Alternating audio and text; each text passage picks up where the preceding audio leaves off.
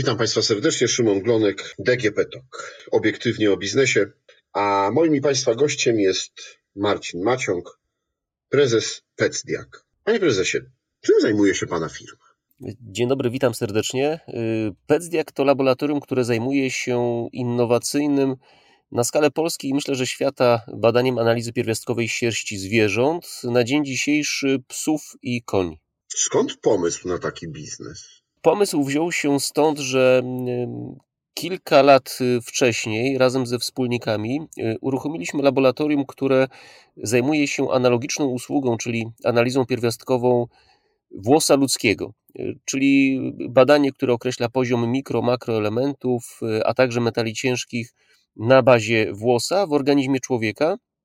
I po, po kilku latach prowadzenia tego biznesu e, pojawiła się idea, idea, którą zresztą, zresztą zaszczepiła mi żona, że być może warto by tego typu usługę e, oferować również e, dla zwierzaków.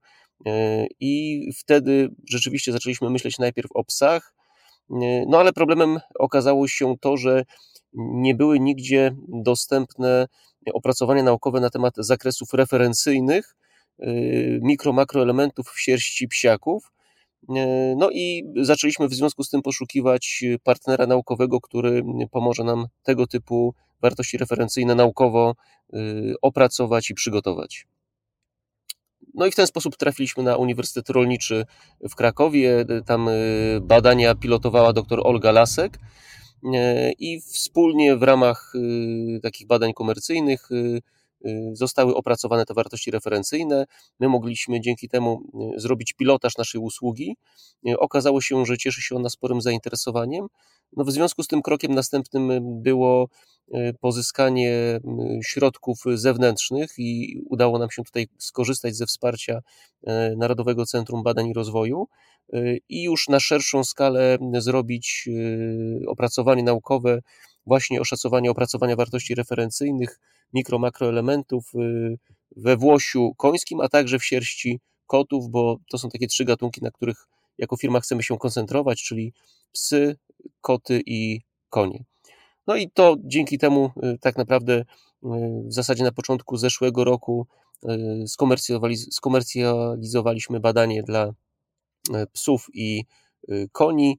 Teraz przed nami jeszcze y, uruchomienie rynkowe usługi, analogicznej usługi dla y, kotów. O to chciałem zapytać, bo mm, przygotowując się do naszej rozmowy, zastanawiałem się, czemu zdecydowaliście się Państwo, albo co spowodowało, że tylko i wyłącznie psy i konie w tym momencie badacie.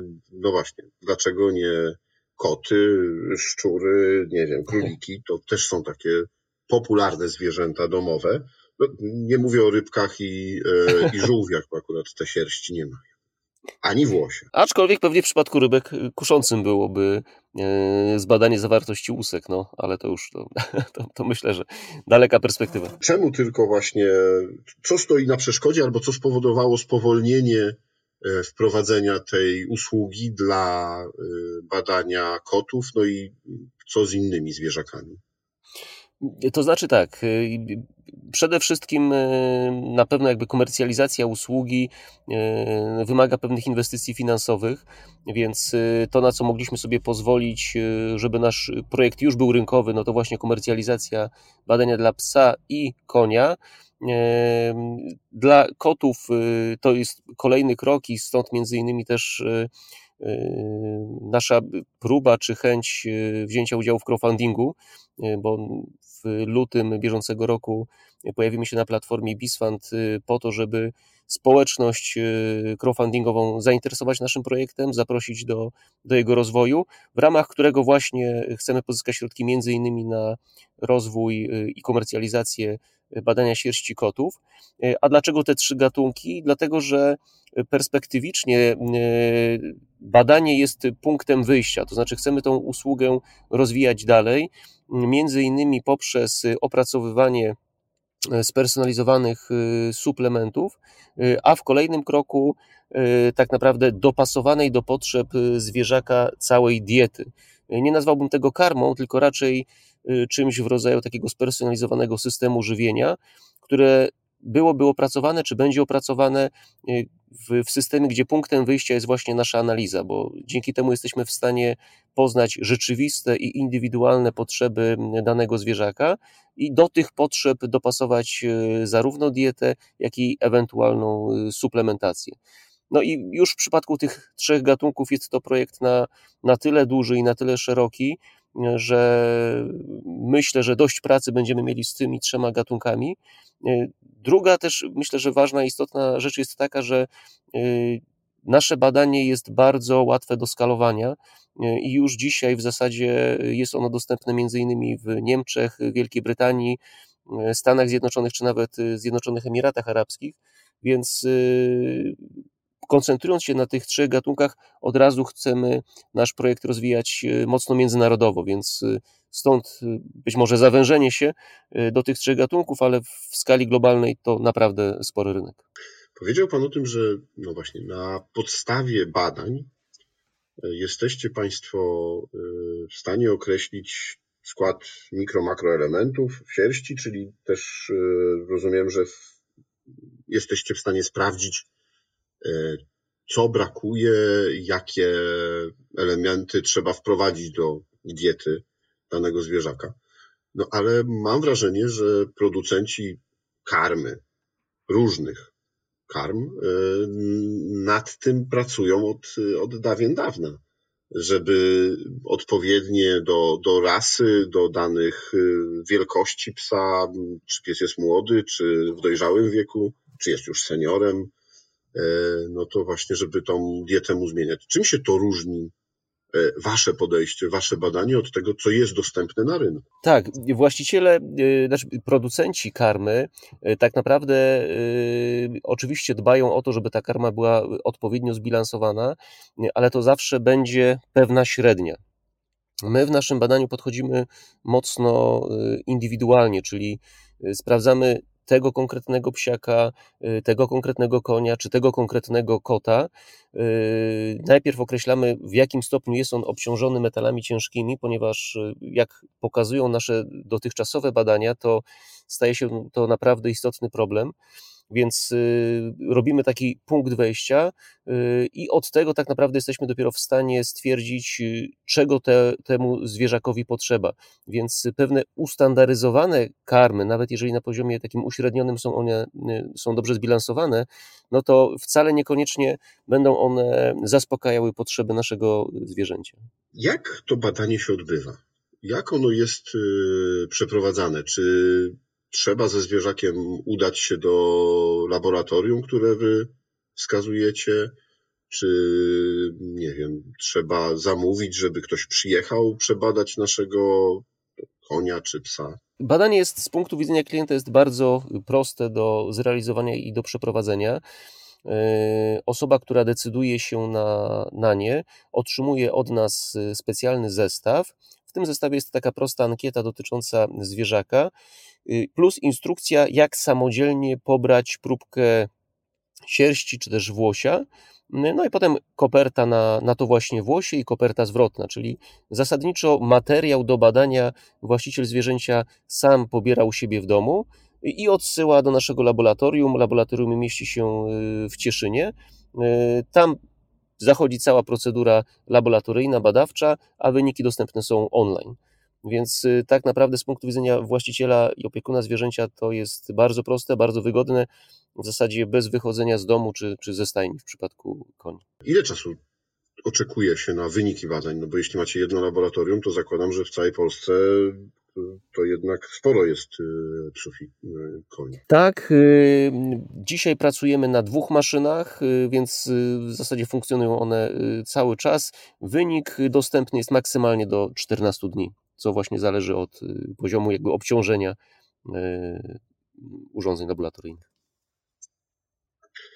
I e, otrzymując taki wynik, jak właściciel zwierzęcia, jaką ma informację? Czy to jest tak, że musi iść z tym, nie wiem, do weterynarza i zapytać dopiero co dalej, jeśli takie, a nie inne wyniki są? Czy dajecie jakąś um, rekomendację co do stosowania diety, zmiany jej? Każdy wynik oprócz tego, że zawiera podstawowe dane o poziomie właśnie badanych mikro, makroelementów czy metali ciężkich, to zawiera również część opisową, w której podpowiadamy, podpowiadamy właścicielowi, jak ewentualne niedobory czy nadmiary rzutują na różne aspekty dobrostanu i zdrowia, czy to psa, czy konia, czyli y, jakość tej okrywy włosowej, y, pracę mięśni, pracę układu kostnego, więc różne aspekty w tej części opisowej są poruszane, ale oprócz tego w cenie badania każdy właściciel ma też zagwarantowaną konsultację indywidualną ze zwierzęcym dietetykiem, czy to psim, czy końskim.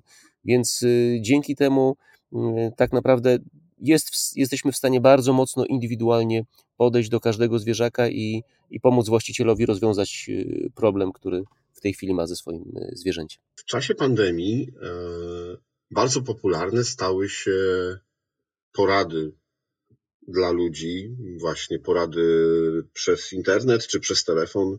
E, lekarze w ten sposób konsultowali różne choroby. Państwa oferta też jest taką trochę konsultacją online, e, ale jednak e, Prezydium Krajowej Rady Lekarsko-Weterynaryjnej weterynaryjnej e, sprzeciwiło się, żeby usługi weterynaryjne były świadczone przez internet. Dlaczego? No, w, w, przypadku zwierzaków zdecydowanie trudniej jest przeprowadzić coś w rodzaju wywiadu środowiskowego bez obecności lekarza weterynarii i stąd pewnie takie stanowisko. Natomiast Nasze badanie jak najbardziej wpisuje się, można by powiedzieć, w taki trend teleweterynaryjny y, w zakresie na pewno prewencji i profilaktyki, ponieważ wielu właścicieli wykonuje nasze badanie po to, żeby stwierdzić, w jakiej kondycji jest zwierzak, nawet jeżeli jeszcze dzisiaj nie ma konkretnych jednostek chorobowych, y, więc dzięki naszemu badaniu y, jest w stanie ewentualnie tak skorygować dietę, sposób karmienia czy suplementacji swojego zwierzaka, no, żeby jak najdłużej zadbać o, o jego dobre zdrowie i jak najdłużej cieszyć się jego obecnością. Natomiast y, pewnie teleweterynaria, y, jak to nazywam, y, w pewnym zakresie będzie się rozwijała, ma swoje ograniczenia, ale na pewno daje duże możliwości sięgania po specjalistów w zasadzie z całego świata, bo dzisiaj współpracujemy z, z lekarzami weterynarii czy dietetykami zwierzęcymi ze Stanów Zjednoczonych, którzy konsultują wyniki e, naszych klientów ze Zjednoczonych Emiratów Arabskich, więc e, taka teleweterynaria otwiera naprawdę dużo możliwości i dostęp do bardzo wszechstronnej wiedzy z różnych części świata. W czasie pandemii Polacy szturmem e, ruszyli do schronisk, ale też do różnych hodowli, żeby właśnie zaopatrzyć się w jakiegoś pupila. Bardzo często były to właśnie psy. Czy zna Pan jakieś liczby, szacunki, ile w tym momencie jest psów w Polsce w gospodarstwach domowych? Jeśli chodzi o ostatnie dane dotyczące ilości psiaków na rynku polskim, to według ostatnio dostępnych danych to była ilość około prawie 8 milionów psiaków. Prawie 7 milionów kotów, bo, bo ten rynek koci też bardzo, bardzo dynamicznie się rozwija, więc to, co możemy zaobserwować w Polsce, też dzieje się na całym świecie, bo w przypadku Wielkiej Brytanii ilość psiaków to jest 8,5 miliona, w Stanach Zjednoczonych to są ilości przekraczające już 75 milionów psiaków, więc no, globalnie widzimy, że ten rynek niezwykle dynamicznie się rozwija i na pewno ten okres pandemii spowodował, że wiele osób zaczęło szukać towarzystwa psów. Szczególnie, szczególnie ciekawa dynamika w tej chwili zachodzi na, na rynku hinduskim, w pokoleniu tzw. Tak milenialsów, gdzie pet parenting rozwija się niezwykle dynamicznie i, w tej chwili te ilości E, zaadoptowanych zwierząt w Indiach no, zaczynają bardzo dynamicznie przybierać na sile. No dobrze, to jaki to jest rynek, jeśli chodzi o jego wartość? Na razie powiedzmy w Polsce. No, w, w Polsce w tej chwili wartość rynku weterynaryjnego to jest około 2,2 miliarda złotych. Sam rynek diagnostyki weterynaryjnej w skali globalnej, czyli ten rynek diagnostyki, w który my celujemy, to jest jakieś 2,5 miliarda dolarów, więc potencjał jest bardzo istotny. Te wartości wzrastają około 5% rok do roku.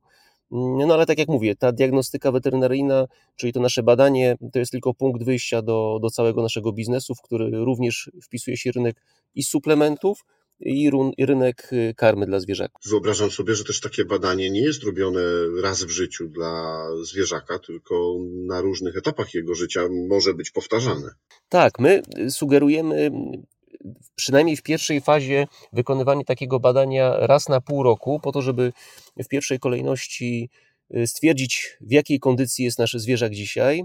Y, po pierwszych konsultacjach, po pierwszym wyniku powtórzyć to badanie po sześciu właśnie miesiącach, żebyśmy zobaczyli, mm, y, czy te nasze zalecenia zaczynają się przekładać na, na, na zdrowie psa, czy innego zwierzęcia. No i potem prewencyjnie, profilaktycznie sugerujemy wykonywanie go raz do roku tak żeby na bieżąco sprawdzać, y, w jakiej kondycji jest nasz, nasz podopieczny. Od kiedy Państwa usługa jest dostępna na rynku? Zasadniczo od y, stycznia zeszłego roku, już tak w pełni komercyjnie.